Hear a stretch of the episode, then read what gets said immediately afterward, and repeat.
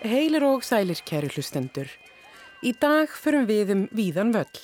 Við flettum í nýri útgafu á síkildu verki Benedikts Gröndals, réttgerð hans um Reykjavík um aldamótin 1900. Við heimsækjum Gröndalshús, menningarmiðstuð í miðbæi Reykjavíkur og ræðum við Láru Adalsteinsdóttur, verkefnastjóra hjá Bókmæntaborginni um húsið og Gröndal. Jórun Sigurðardóttir ræðir við steinunni G. Helgadóttur um nýja skáldsjó hennar sem ber þann kraftmikla titil sterkasta kona í heimi og við veltum svo fyrir okkur jólasögum, bæði íslenskum og erlendum, en sögur ringur kvenna, vettvangur fyrir konur þvert á samfélagið, býður í jólagöngu núna um helgina þar sem sagt verður frá íslenskum jólasögum og jólasíðum og gestum er bóðið að deila frásugum af hátíðahaldi í sínu uppbrunna landi. En við hefjum för okkar í kvosinni í miðbæ Reykjavíkur í fagurröðu húsi við Fissjarsund. Ég er 64 þumlungar á hæð, vel vaksinn og kviklegur. En sjaldan held ég mönnum hafi greint meira á ennu um mig hvort ég væri laglegur eða ólaglegur. Sumir hafa fengið óbeit á mér einungis að ég að sjá mig, en margir hafa getað felt sig við mig þegar þeir kynntust mér betur. Svo lýsir Benedikt Gröndal sjálfum sér í sjálfsæfisugu sinni Dagratvöl. Benedikt fættist 7. oktober 1826 á Bessastöðum, sonur Sveinbjarnar Egilsonar Skálds og Helgu Gröndal. Hann fór í háskólan í Kaupnahöfnað heldri manna sið og lagði þar stund á skáldskap, norræn fræði og drikkjuskap. Var sótur heim af föður sínum og kuldreðst einhver ár heima í Reykjavík áður en hann sildi aftur út til Kaupnahöfnar í nám, þá þrítugur og aðeins hroskaðri en fyrst þegar hann fór út. Í Kaupmannahöfn giftist hann yngi gerði Tómasdóttur Sóveka, frængu Jóns Forsetta Sigurssonar. Þau egnuðst þrjár dætur en tvær mistu þau á barsaldri og Benedikt mistu svo konu sína eftir aðeins tíu ára hjónaband.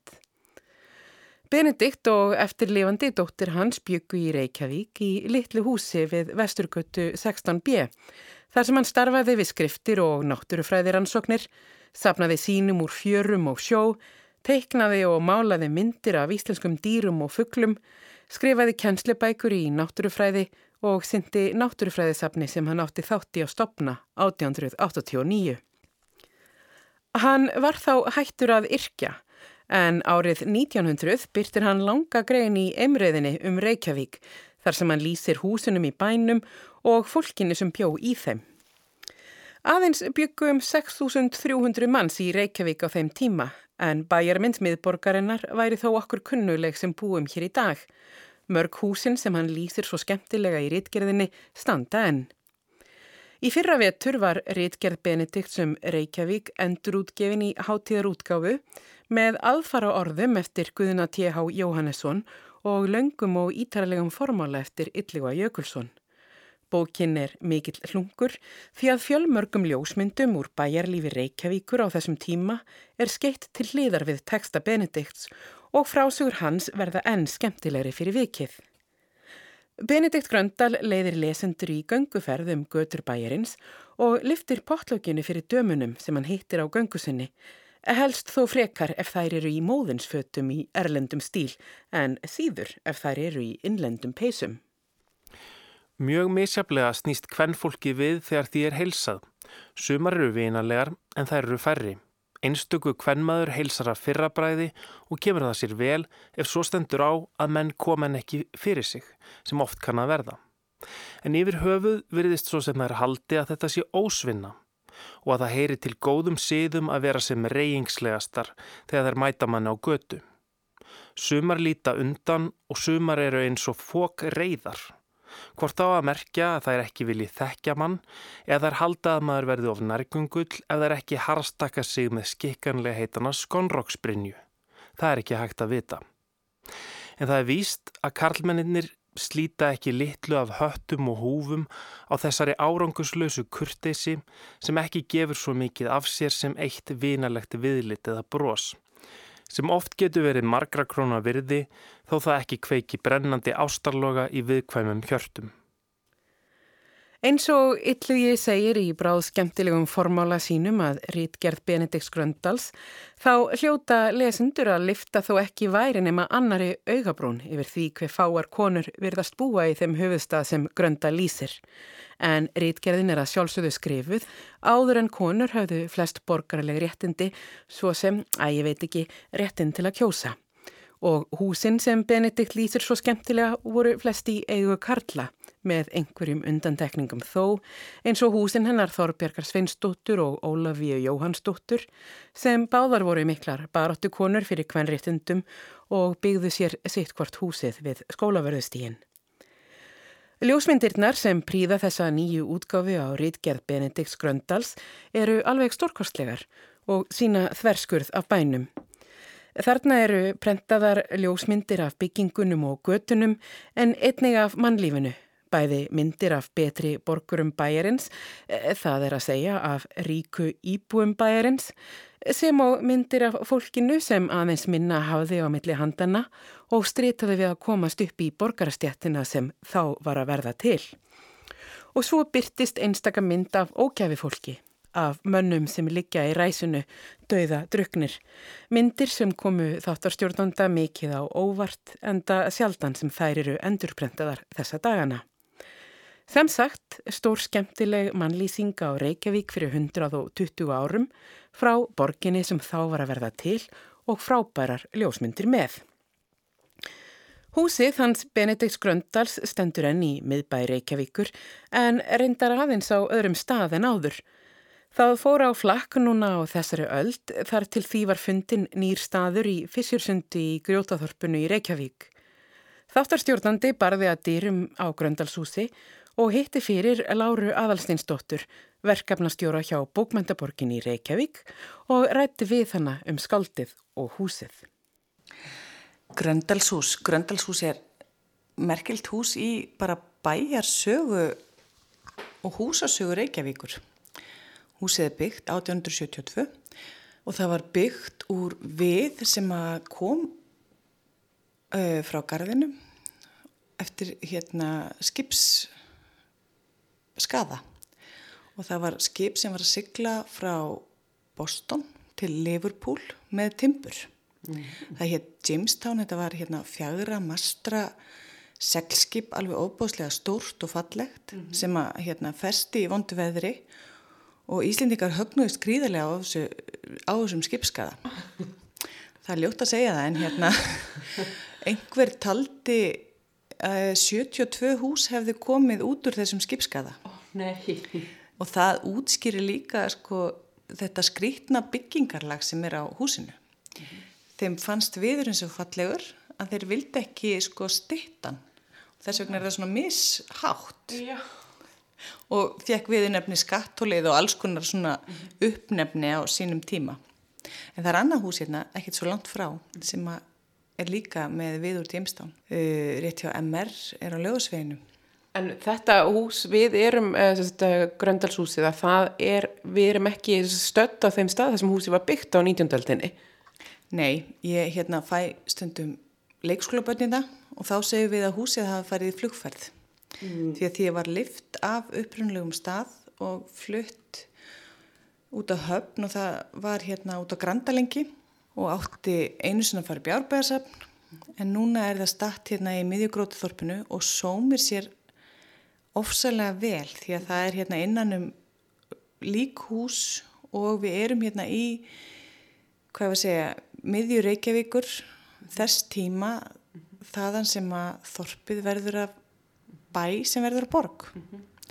og þá he, fallega heima hérna og þetta var bara mjög góðar ákverðanir sem voru teknar þegar húsið var fyrsta lagi sko því var bjargað frá því að verða reyfið mm -hmm og síðan eigum við núna svona menningarperli sem að geymir sögu Reykjavíkur, geymir sögu Gröndals sem að er líka mjög merkileg í okkar bókmyndasögu mm -hmm. Og við þannig að fléttast síðan bara, já, þessi menningarsaga landsins okkar sem að er ekkit svo óbóslega kannski þjætt ofinn að því að við höfum verið svo duglega grísina. Já, þetta, þetta húsið, þetta var þá mitt á Vestugötu fyrst og er núni í Grjótaþorpunu og þið eru einmitt búin að gera þetta alveg afskapla fallegu upp.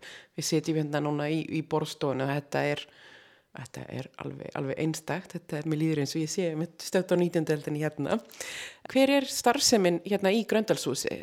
Við viljum kannski segja frá því að það var minnjavend sem að sá um endurgerð húsins og var það gert í góðri samfunnu millir minnjavendaraborgar.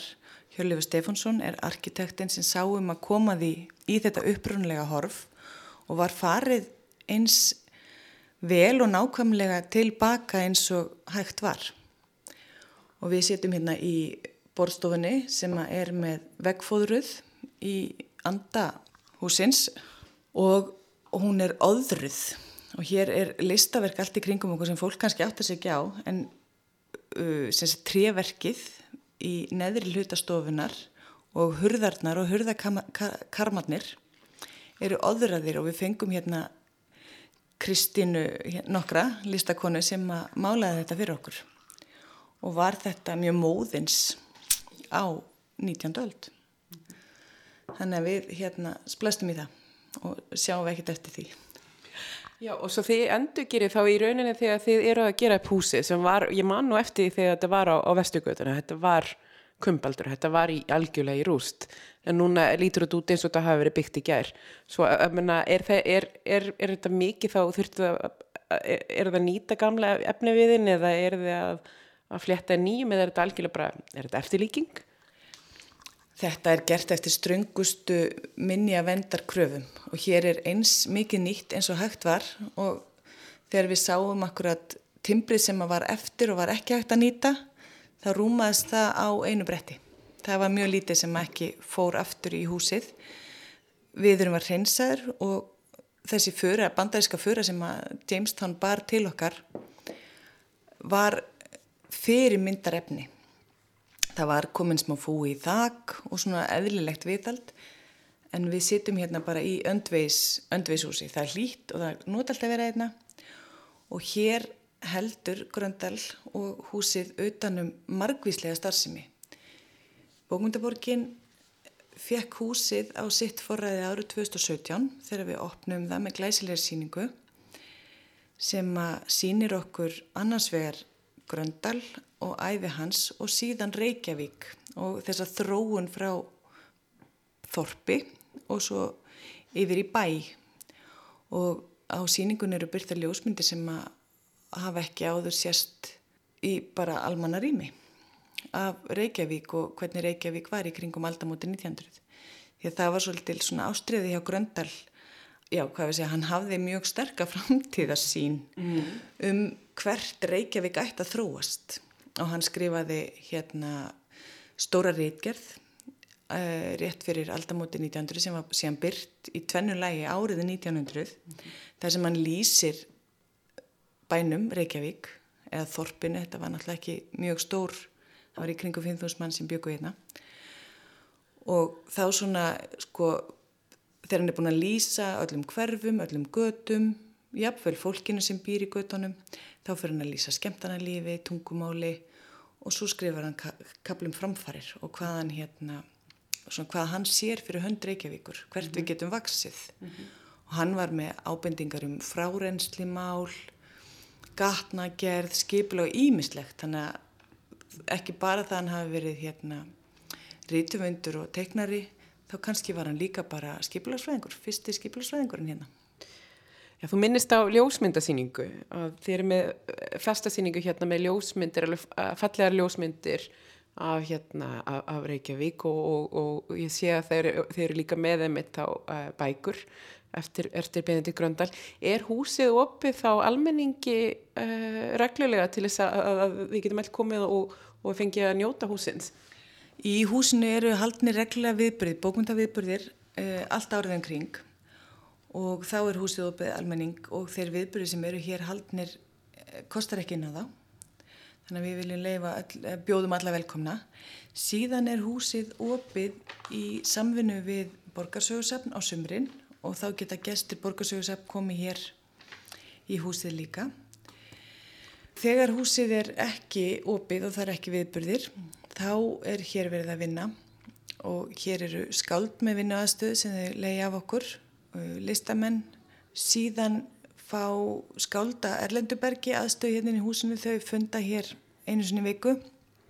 Hvaðið mannafélagi yðun heldur söngvökur hérna. Og það eru opnir viðbörðir og síðan í kjallaranum sem er nýtt við húsið er hérna skaldahýbúð og þar koma erlendir rítöfundar, fræðimenn eða annarskapandi fólk sem mann getur lykt aðstöðu í borginni tvær til átta vikur eða er að vinna verkefni sem tengjast Reykjavík eða með skapandi fólki hér í Reykjavík og síðan einu svona ári þá bjóðum við rítöfund úr annari bókmyndaborg UNESCO að koma og dvelja hér og tengjast okkar bókmyndalífi. Þannig að þetta hefur, hvað var að segja, mjög ólíka starfsum þetta hús. Mm -hmm. Það er lítið og þegar maður tekur það saman hvað fyrir mikið fólki gegnum það á ári þá er það óbúslega margir með fermitarfjöldan. Þannig að er, hver fermitar er mjög vel nýttur. Já, og, þessa, og þetta húsi er í rauninni kannski nýjasta eh, skáldahúsið hér á, á, á Íslandi og það eru nokkur setur rekin hér út um alland hérna, eh, sem eru helguð á skáldum það eru hvað gljúra stein og uh, nonnahús og, og skriði klustur eru þið með svona tengslanit eða eru þið ykkur svona formlegu samstarfi í hérna skáldahúsin á, á landinu? Nei, því miður, en það er mjög góð hugmynd. Nei, við vitum af þessum skaldahúsum og þar þau búa svo vel að þau eiga greipi frá sínum höfundum. Hér í Gröndalshúsu höfum við svolítið endurskapað, kannski liðna tíma en um leið mm -hmm.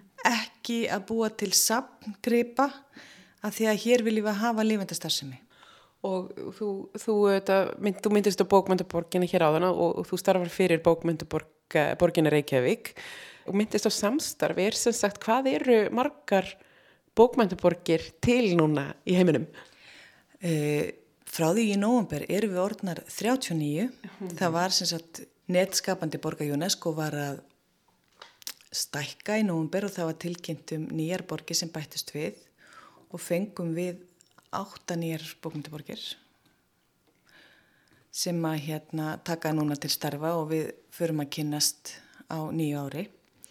Eldri borginnar vinna mjög þjætt saman og eru við í mörgum svona samstagsverkefnum þar sem við reynum að færa fólk á milli landa og tengja fólk saman. Mm -hmm. Evrósku borginnar það er svona, það er svona ódýrast og auðveldast að vinna í nær samfélaginu en með því að vera með það sem við kallum svona gestaýbúðir þá bjóðum við rítöfundi frá annari borg að koma það er sótt bara umsóknum flestur einu svona ári og íslenski rítöfundar þeir hafa aðgang í átján residensjur eða gestatvalir hingað þangað um heiminn og þetta er svona hluti af því að vera í alþjóðlegu samstagsfniti er ekkert að tengt fólk og búið til nýja reynslu og skapa nýja hluti og það er svo mikilvægt að eiga aðgang að fólki viða mm -hmm. að því að við erum bara hérna, við erum takmörku öðlind mm -hmm. Íslendingar og þess vegna er svo gott að geta stækkað okkur En hvað gerir, nú man ég þegar við fengum einmitt uh, þannig títil bókmyndaborg UNESCO, það var mikil spenningur og það sem allir mér kannski, ja, ég, ég ætla nú ekki að segja skjelvingu, en það ég, það sem ég hugsaði um að þá fylgdi með sögunni að það væri hægt að svifta titlinum, þar að segja, þetta væri ekki titil sem, sem sagt, borgir hefðu af eilifu. Hvað eru þið að gera með áskrifstögu bókmyndaborgarnar til þess að ebla uh, uh, íslenskar bókmyndir? Já, við viljum sko kannski færa okkur út úr orðinu bókmyndir mm -hmm. og inn í orðið orðlist mm -hmm. því að maður ætti að segja í einni setningu hvað gerir verkefnastjóri í Reykjavík bókmyndaborg það er að styðja við og ebla orðlist í borginni og það er svona okkar hlutverk við e, Bak við okkur er stjórn og stefna sem er ákveðin á nokkur ára fresti og við vinnum inn í þá stefnu. Hluti af henni er verkefni sem við vinnum hérna í borginni. Hluti af því eru verkefni sem við vinnum í samstarfi við eins og miðstu íslenska bókmynda og fjöla íslenska bókaútgefenda sem að nær þá til alls landsins og annar hluti er síðan þessi alþjóðlegi vettfangur sem við vinnum inn í og það er samstarfsverkefni og samstarfið hinn að bókundaborginar. Þannig að þetta er svona þrýþætt starfsemi. Við erum sérfræðingar í orðlistarlífi í íslensku. Við erum að verða líka svolítið sérfræðingar í að vinna með ólíku fólki. Við þekkjum ágætlega hvað er að gerast og hvað þarf að gera til þess að styðja við, hvað eru hólurnar hvað er að segja, reynum að skapa vettfang fyrir orðlistalífi til að blómstra. Við þurfum ekki að búa hann til sjálf, það er fullt af frábæri fólki í því, en við hins vegar þurfum kannski að hérna plæja jarðveginn. Og þið uh, eh, reykir bókmyndavefina, er, er það ekki satt? Jú, við erum með vef sem heitir bókmyndaborgin.is. Mm -hmm. Inn í honum er vefur sem er bókmyndavefur og hann er svona kannski eini upplýsinga vefurinn um íslenska höfunda, rítaskrá og bækur og þar byrtast nýjar umsagnir um bækur. Mm -hmm. Borgarbókasafnið vinnur þennan vef með okkur. Og það eru rítstjórar þar sem að sjáum að halda umfylluninni lifandi. Og þessi vefur er ofta á tíðum það eina sem að íslensku rítöfundur hefur til að sína það og sanna einhvers þar í alþjóðlegu samingi mm -hmm. að hann sé eitthvað því að það er svo fáir sem að tala íslensku. En við hins vegar reynum að þýða alltaf vefnum yfir einsku þannig að þetta er ómisandi auðlind fyrir okkar höfunda Já, að kynna á erlendri grundu og í rauninni að efla umfyllunum bókmyndir því að það er nú bara því að vera meður að það eru ekkit alltaf margir staðir í, í fjölmjölum á Íslandi það sem rættir um bækur Nei, því miður, við varum til, náttúrulega til að hafa bókað þetta hverjum einasta dag í útvarpi og í sjónvarpi og það er algjör góðsögn að segja bókmynda þetta er sjónvarpi virki illa. Minna, mhm. Kiljan er búin að sanna það margóft. Mm -hmm. Við þyrtum að hafa þrjá mm -hmm. Dagskráliði, svona allavegni viku þá kannski mögulega næðu við að hérna, já, svona ná utanum bókmyndalífið. Ef við fengjum aðeins að stjórna heiminum, Lára. Ef við fengjum að stjórna heiminum þá hérna væri ekki lestrarvandi, það væri ekki útgáfuvandi og við værum hérna, já, allt um kring með lifandi og skemmtilegt tungumól. Ó, það er indislegur heimur, en þakka að kella það fyrir. Herru, takk fyrir og velkomin hérna hvena sem er á viðbyrði Gröndalsfósið.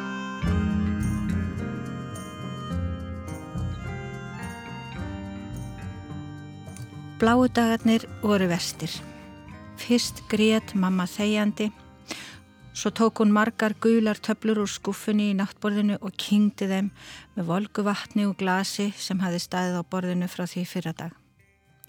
Ég veit að þið hati mig snögtun og meðan pappi klættis í úlpuna og við létum sem við heyrðum ekki neitt, byðum bara eftir að lifin fær að virka. Ég vildi að ég hefði aldrei egnast börn. Svona segir maður ekki hvesti pappi. En mér langar bara að vera svo lítið hamingjusum. Af hverju er ég svona? Af hverju get ég ekki bara horfið? Átaka löst eins og ég hef aldrei verið til. Mamma þagnaði og við vissum öll að hún var að hugsa um alla pillurnar. Vissum alltaf að þessu möguleika og pappi misti síðasta snefilinn af þólinnmaði. Taktu þið saman, hættu þessari helvítis móðusíki, hugsaðum eitthvað jákvætt, rópaðan örfandikaföllur og hún leitt niður skömmustileg eins og lítil stúlka. Pappi reið peningaseðla úr veskinu og skrifaði innkaupa miða fyrir eið áður en hann raug út með tárin í augunum og skellt á eftir sér. Við sískinin heldum fyrir eirun en svo var allt hljótt. Við skoðum miðan og bróði minn las fyrir mig havramjöl, mjölk, normalbrauð, smjör, einn vídeospóla.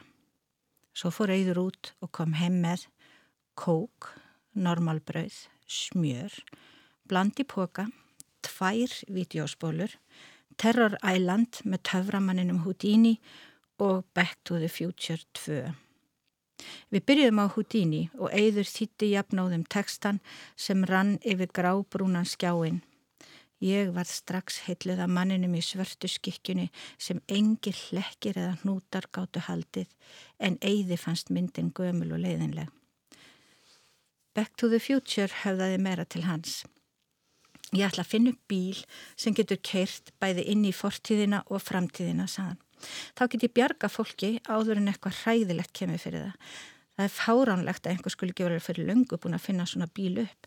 Hugsaði hvað það geti bjarga miklu í staðin fyrir að leifa öllu þessu voðalega hald áfram að gerast. Og ég kem með þér, sagði ég spennt. Þá verði ég líka komið sítt hár sem fíkur í vindinum. Ég tókaði lokk úr drengjadkollinum sem mamma hafði klift, ítla eins og vanalega, þar til að náði niður á erðnarsnepilinn. Já, auðvitað kemur þú líka, sagði Eður og tók utanum mig og hárið þitt verður orðið sítt og fallegt. Þú byrjar að sapna strax á morgun. Ég geti aldrei gert þetta án þín. Svo þögðum við og sögum súra brjósugurinn með sítrónubræðinu hamingisum. Hér talar titilpersonan Gunnhildur í skáldsögunni sterkasta kona heims eftir steininni G. Helgadóttur. Takk fyrir að lesa þetta steinun. Þetta er lítill kapli, eiginlega fremst í bókinu, þó ekki alveg fremst, sem að í rauninni opnar sviðið. Þetta er saga tvekja sískina Houdini kemur þarna við sögum sem að var hann ekki sterkasti maður heims einhver tíman. Öruglega, ég veit ekki hvort hann hefur alveg kallað sér sterkasta mann heims og það held honum engi hlekkir. Og uh, það er einhvern veginn svona undirtótnin í þessari sögu. Já, þetta, þetta er kannski spurningum hvaða er að vera sterkur líka. Ég hef alltaf verið mjög hrifin af fólki sem gerir eitthvað sem á ekki að vera hægt og Houdini var mjög spennandi fannst mér einu sinni fyrir langt síðan og ég hefði eiginlega glemt Houdini þegar ég sá heimildamindum reyni sterka alveg frábæra mynd og hérna þá greip þetta mig alls saman aftur. En munurinn á Houdini og reyni sterka er að líf Houdinis var óttalega ómerkilegt miða við líf reynis sterka því það er bara gríst drama hvernig hann liði mm. gríst drama í, í lópapeis og, og gummiskom ég varð alveg heitlega sem sagt og skrifaði fyrstu setninguna í þessari bók ekki fyrstu setningun í bókinni en fyrstu setninguna sem er í bókinni eftir að hafa hort á þennan þátt Var þér strax ljóst að þessi sterkamanniski eða svo sem hef byggið yfir þessi eiginleikum yrði kona? Já En það sem að gerðist þegar ég fór að skrifa bókina var að kona sem er svona með ofurkrafta er ekki eins og kall sem er með ofurkrafta. Eh, veröldin tekur, umhverfi tekur öðruvísi á konu með ofurkrafta en kalli. Við höfum ekki margar konur með ofurkrafta í sögunni, það eru helst ykkur að skessur Þannig að hún læri mjög fljótt að vera ekki að flíka þessum ofurkröftum. Hún veit af þeim Já. en hún notar þá bara ef hún þarf á að halda og eins og segir hún er ekki að flíka þeim. Með það sem Karl myndi gera náttúrulega ef hann hefði svona krafta. En þetta er fjölskyldusaga, tragísk fjölskyldusaga. Já, þetta er... Að sömu leiti, kannski að öllu leiti. Eginlega. Mm. En hérna... Já, þetta er sagan um þau sískinin, Gunnhildi og eið þau segja frá til skiptis eða eru látin segja frá til, til skiptis því raunin er það kannski sonur Gunnhildar sem að eh, svona sapnar þessum sögum saman Já. eða að minnstakosti kennir hann þessa, eh, þessa sögu Já, hann, hann á fyrsta kaplan og hann á síðasta kaplan Nákvæmlega En síðan hafa þau orðið til skiptis eh, og svo eru aðri sem tala mm. líka þarna. Þarna úr, í kaplanum það sem, sem þú last, þá eru þau með foreldunum sínum. Fadurinn er tónlistamadur, þar mikið að vera í burtu á, á kvöldinu og um helgar og er svona slarkari eins og kannski var á þessum tíma í, í músíkbransanum spila á skemmtustöðum og svo framvegis og móðurinn er greinilega, hún á mjög erfitt, hún er þunglindið eitthvað þínlíkt. Já, hún er með þunglindi og, og manju inn á milli líka. Já, stundum er ægilega gaman stundum hjá þeim fremur. Gaman. Og, og eiginlega eru þau þokkalega hamingisum börnin miða við allar aðstæður líka að því þau hafa hvort annað. En svo kemur að því að þau eru skilin að. Já. Hún fer í sveitina. Hún er sendið í sveit og uh, hann er áfram í bænum, fyrst hjá ömmu og svo hjá pappa og líkar það nú ekki vel og engum og sérilegi er þetta náttúrulega mikið áfall fyrir þau að vera aðskilin og þau hittast í rauninni ekki aftur fyrir þau eru bara beinlínu svolítið fullorðin Já. eða svo gott sem. Því að í raun og veru það sem eina sem þau höfðu þegar þau byggu heima var hvort annað. Þessi mm. sískinni voru, þau áttu bara hvort annað. Og þegar þau eru aðskilin þá allt í hennu eiga þau ekki neitt. Og endanum þá standaðu uppi sko, hún er í rauninni kannski náttúrubarnið, mm. enda eins og við sögðum alveg upp í sveit og hann er borgarbarnið en hann allar hins vegar að bjarga náttúru heimsins. Já, sagan er líka um, um hvernig umhverfið ætlast til að við séum. Hún er í rauninni stríðsmaðurinn en hún er kona og hennar stríð eða hennar orustur eru háðar á öðrum vettvangi. Mm. Hann er fríðarins maður eða hann vil öllum vel, hann er fríðarins maður en hann endar sem fóringi í... Hann er stór og stæltur. Hann er stór og, og stæltur og fallegur og kemur vel fyrir sig orði og kynnist þarna fólki sem er sem þarf á honum að halda, þarf á þannig manni að halda. Þetta fólk það er það sem hefur trúna og eldimóðin en hann hefur framkomuna sem sá sem tala fyrir hóknum þarf. Mm. Hann, hann er sem sagt lítur út eins og fóringi. Þú uh, myndist á það við mig þegar ég ringdi í þig til þess að bóða því þetta viðtal að þessi bók fjallaði eiginlega um hlutverk eða rullur og að passa í rullur. Já. Stundum þarf maður að taka sér rullu og svo varst að lýsa með þeir en í rauninni passa maður ekki í þar. Ég held að þetta gerist ansi oft en hérna við reynum auðvitað flest og sumir hafa meiri aðlögunarhæfni en aðrir en, en auður lendir á daldi vondum stað. Mm. En það, hann er samt mjög góður piltur. Hann er mjög góður. Fram. Það versta sem gerist er að hann tapar trúni. Hann tapar trúni á það að öll þessi mótmæli og allt sem þau eru að gera að það skipta ykkur máli. Því það breytir yngur. Þau halda endalust áfram að mótmæla og reyna að breyta heiminum en það virðist einhvern veginn ekki virka og þetta er mjög hættulegt mm. í líðræðisþjóðfélagi mm. þegar það er orðið þannig þú mátt tala og þú mátt hafa eins hátt og þú vilt en þú skal ekki halda neitt sér í raun og vera að hlusta á þig.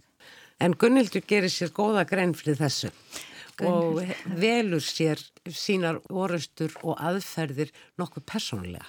Hún er náttúrulega sko, hún hefur ekki haft aðstöð til að fá mikla mentun og þegar hún kemur sem einstamóði til Reykjavíkur þá fer hún að vinna í kjallar á elli heimili og í hverskipti sem hún fer fram hjá háskólanum þá verður henni það ljóst að, að hún er ekki með vegabrifin í þessa veröld. Svo hún fer að leita sér eitthvað í mentun og verður ferðuna fræðingur og það vil þannig til að hún fer að vinna á, við líksnýftingu þar sem hún snýfti lík vegna þess að Gunnhildur hún er svona, hún vil að allar sögur endi vel ég held að sé mjög ríkt í konum mm. að allir séu hamingisamir að lokum og, og, og að vínimanns að það endi vel þetta vesen sem þeir eru að standi í og, og bönnumanns auðvitað og mm. allir og það verður hennar að við starf að gera lík falleg þannig að sama hvað við gengið á í lífinu þá endaðu vel Og inn í þessa frásögn Gunnhildar og Eðs sískinana alltaf í sínum köplum svona til skiptis að mestu, ég undrar ekki gumgeft að nákvæmlega, að þar eru kaplar þar sem að alveg sér á parti, líka með öðru letri, þar sem Gunnhildur er á sinni lík snirtistofu, stundum er dagur sonur hennar með henni, að leika sér að dukkulísum, stundum ekki, en þar á bylins í samtölum við oftast líkið en líka við aðstandendur líksins sem að vilja svona fylgjast með þessari síðustu eh, snirtingu ættingasins. Hún, hún sagt, fær sögur allra þeirra sem hún snirtir á einna annan hátt mm -hmm. og þessar sögur eru svo litið eins og flökkusögur í nútímanum hér á Íslandi ég hef tekið og ég hef aðeins yktar breytt þeim lagað og svo framvegis en hérna ég held að þetta sé mjög mikið umhverfið sem við erum í. Þetta umhverfið þar sem við náum aldrei til botts í neinu. Þar sem við reynum að googla hlutuna, það er alltaf stöðugt áreiti af ykkur sem er að gerast. Mm. og við kannski reynum að snú okkur að ykkur sem við höfum áhuga á og googla eins og við getum um mm. það. En við fáum aldrei neina svona djúpa þekkingu á hlutunum, við erum alltaf Við erum alltaf með einhverja brotamind en ekki kannski samhengið Einmitt. að baki. Já, og maður er svo hrættur um að hún verði svo skökk mm.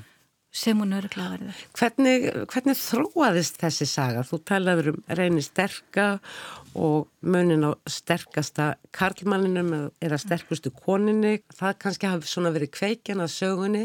Þetta eru þarna eh, ólík sískin, þú eh, fjallað um hlutverk uh, og, og líf hérna gagstaðu kynja en svo koma þessir flökkasögukablar inn í eða frásagnirnar á líksnisti stofunni hvernig komu þeir kablar til dæmis inn í eða?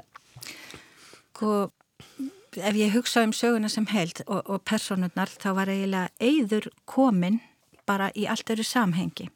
Hann var komin sem, sem þessi baráttumadur sem verður fyrir vonbröðum og svo framvegis. Svo kom náttúrulega Gunnhildur. Fer til Lesbos Já, og fer... er upp á hálendi og verður að bjarga íspyrni og Já. ég veit ekki hvað og ekki hvað. Allt sem en, þarf að bjarga. Og er vegan og hvaðina. En enda síðan sem sjómarskokkur með eh, sem stráur gull yfir réttina. Fyrir auðkífinga. Mm. Í enga flugvilum og svo framvegis. En sögurnar sem kom á millið þar greip ég sögur sem er í loftinu í kringum okkur alltaf á meðan ég var að skrifa söguna, þetta tók allt í allt kannski svona tvö ár. Og þær sem ég fannst áhugaverðar lagaði ég að mér og, og minni bók. Svo átti ég líka til að ljúa bara og búa til sögur sem að hefði ekkert að baka sig.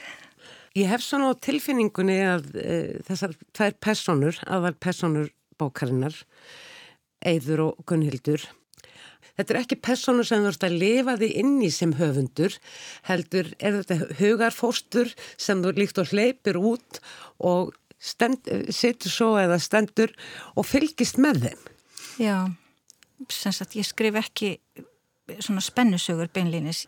Ég, ég tek karakterina, ég set á í ákveðna kringumstæður, eitthvað gerist og þá fara hlutinir að stað og, og yfirleitt er það eitthvað sem gerist sem kemur utanfrá sem að sem að setja aðstæð. Og við fáum hér eh, aðstæður sem að eru mjög kunnulegar úr íslensku samfélagi og úr aðstæðum heimsins í dag. Já, það er það sem ég hef úr að móða. Já, við erum með uh, nútíma fjölskylduna, við erum með mótmæli, flóttamenn, útlendinga, það er einhverjum að sérlega Gunnhildur, hún kynnist mjög mikið útlendingum þegar hún er að vinna í þessum láluna störfum mm. og þau fara til Lesbos. Lesboskablin er ótrúlega sterkur steinun. Já, það er sko ég á þrjárdætur þær fóru alla til Lesbos og ég nota frásagnir þeirra sem fór lengst og hérna andrunsloftu og allt saman. Ég hef ekki verið þarna en sko hún var að segja mig frá þessu og það orkaði rosalega stert á mig. Ég, ég bara bæti þeim eiginlega inn í þetta og, og ég móta þessa senu en eh, þessi upplifun kom uppálega frá henni. En personunar sem slíkar, er eiga sér ekki samsvörun? Þetta er engin einn persona. Sumar er kannski setta saman úr nokkrum. Mm. Eginlega Er þetta alltaf að skoða fólk? Já, ég er bara þarf mjög mikið á því að halda og, og hlusta á hvernig fólk talar og svo leiðis og, og ég hef alltaf skoðað fólk og hlustað og, mm. og hérna. Ég þarf fólk til að geta skrifað um fólk. Þó ég breyti því og, og ger eitthvað við það það er annað. Steinun, þú kannski lest fyrir okkur að lokum Stuttan Kaplason sem er undir lokbókarinnar þar sem að þau sískinin hittast. Og uh, þannig er hann að reyna að fá hana til þess að taka þátt í svona hans síðustu samfélagslegu björgunar aðgerð. Já, það er eigður sem talar hér. Tilhugsunin um að ég væri loksins að losna var góð og ég vildi vanda mig við þessa síðustu innkomi mína. Mér dætti að byrja hug að gott geti verið að fá Gunnhildi í lið með sér. Við hittumst á kaffihúsi þar sem ég stakk upp á að hún aðstóðuð okkur. Það stendur til að ræna byrnunni, saði ég. Þetta verður sára einfalt. Við þurfum bara að svæfa dýrið og koma því út úr búrinu. Það myndi muna um þig. Þú getur svo auðveldlega að opna það. Ertu brjálaður, svaraði sýsti mín. Reyndu ekki að blanda mér í þessar klikku fyrirætlanir ykkar. Það má vel vera að þetta sé klikkað en það þarf eitthvað að gerast og við erum þá allavega að reyna að gera eitthvað. Hvað gerir þú? Ég borga skatta, flokka ruslið, færi framtíðinni vel uppalinn einstakling og flikka upp á fortíðina, saði Gunnhildur. Við södruðum kaffi þegjandi. Æð þetta er skrítnir tímar, sagði ég svo. Mér dreymdi nótt að við Bergþóra sátum við eldursporðið og mötuðum hvort annað þar til okkur var óglatt. Gátum samt ekki hægt. Tróðum í okkur, nautakjötti og svínakjötti. Veistu að matvælaframlegsli heiminum mengar meira en bílarnir og flugvelarnar? Auðvitað dreymið í kjöt, sagði Gunnhildur og tókum höndin á mér. Þú borðar ekkert nema grænmeti og þau vantar öruglega alls konar vítamin. Það er spurningin. Já, það er sko spurningin.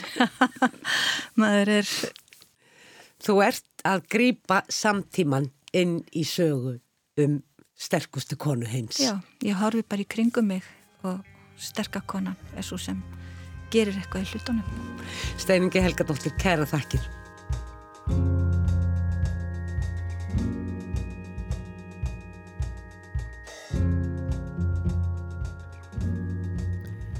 Sunnundaginn 1. desember verður jólaganga frá borgarbókasefni Reykjavíkur í miðbænum. Að göngunni stendur sögur hingur Kvenna sem starfræktur hefur verið í borgarbókasefnunu síðustu árin og er samstarfsverkefni Sapsins og samtaka Kvenna af Erlendum uppruna eða Women in Iceland. Sögurhingur Kvenna er vettvangur fyrir konur þert á samfélagið til að hittast og tengjast í gegnum samveru og listrana tjáningu en jafnframt er bóðuð upp á hagnýta fræðslu menninguna og samfélagið sem við búum í. Þáttarstjórnandi skrapp niður á bókasafnið í grófinni og hýtti þar fyrir Dögg Sigmarsdóttur, verkefnastjóra fjölmenningar í borgarbókasafninu og sögukonuna Hallvígu Torlesjus sem leiðir jólagönguna á samt Helgu Arnalds. Svo virðist sem Gríla hafi einnig tekið þátt í samtali okkar kvennana þryggja því að tæknin stríti okkur þennan kalda föstudagsmorgun á safninu, hljóðnemi þáttarstjórnanda slökti sí og æ á sér. En konur eru ráðagóðar og við lættist inn í kompuna, hljóðver borgarbókasapsins þar sem gestir sapsins geta komið sér fyrir til að taka upp hlaðvarpstætti eða ljóðaupplestur eða hvað sem þeim dettur í hug. Eins og góðu bókasafni sæmir þá er hljóðverið hljóð einangrað en ekki með svampi eins og gengur og gerist annars almennt í svona verum heldur með bókum sem staplaðir upp alla veggi til að dempa hljóðmengunina fyrir utan gluggan. Ég byrjaði á því að spyrja dögg út í sögurring hvenna. Sögurringu hvenna, það er samstagsverkefni Borgarbókasafsins og Women samtaka hvenna af Erlendum uppruna á Íslandi og í sögurinn hvenna þá bjóðum við konur að koma og taka þátt í starfin okkar. Við tengjum konur og þeirra reynslu heima og miðnaði að skapa sameila reynslu. Tengja þessa reynslu heima og, og búa til nýja skapandi reynslu. Svo að gengur starfið út að, að þið eru að segja ykkar eigin sögur eða er það að lesa saman sögur eða? Í rauninni þá um, tengjast okkar sögur í gegnum starfið sem við erum með. Við bjóðum upp á um, viðbyrði sem tengjast til dæmis uh, réttinda vitund, aðgengja réttindum til dæmis í, í heilbreyðskerfinu eða það kemur að mannréttindum hvenna um, og svo erum við líka með sagt, viðbyrði sem tengjast listum, þar sem að konundum tengjast um, til dæmis tónlistarsmiðja, listarsmiðja, í myndlist og, og hérna, danstengti viðbyrður líka. Þeir eru þá að uh, segja sugur þá ekki bara með uh, orðum. Þegar ég sé mitt á dagskronu ykkar í, í, í vetur að, að, að þeir eru líka með viðbyrði sem er mitt á tengja, tengjastans og, og, og myndlist og bara þá alls er ég listasmiðja. Já, það eru mismunandi leiðir til þess að tjá sig Við getum tjá okkur í gegnum listir, jamt eins og að tjá okkur með orðum. Og hópurinn sem hefur verið að sækja þessa viðburði að þær hafa sagt, konurnar koma hvaðan eða úr heiminum og eiga það sameigilegt að búa á Íslandi en hafa mismunandi máðumál og við nýtum mismunandi leiðir til þess að tengja okkur og segja okkur sögur. Og hvað hefur sögurringurum verið starfræktur lengi hérna á bókasafninu? Jú, það eru uh, alveg nokkur ár síðan við byrjuðum með þetta verkefni og það hefur verið í þróun uh, hér í samstarfi við Women, samtakvenna verlendum uppruna og við gáttum sett upp hérna þessa dagskrá síðastlegin misseri með styrk frá félagsmálaráðunætinu þannig við gáttum sett upp svona afar spennandi og þjætta dagskrá sem tengist réttindum og, og sammeilið sköpun hvanna. Er þessi ringur opinn öllum? Er þetta bara fyrir konur að verðendum uppruna eða megum við sem erum fættar hér á Íslandi líka taka þátt? Já, þetta eru verkefni sem eru opinn öllum konum, þessast viðbyrðir.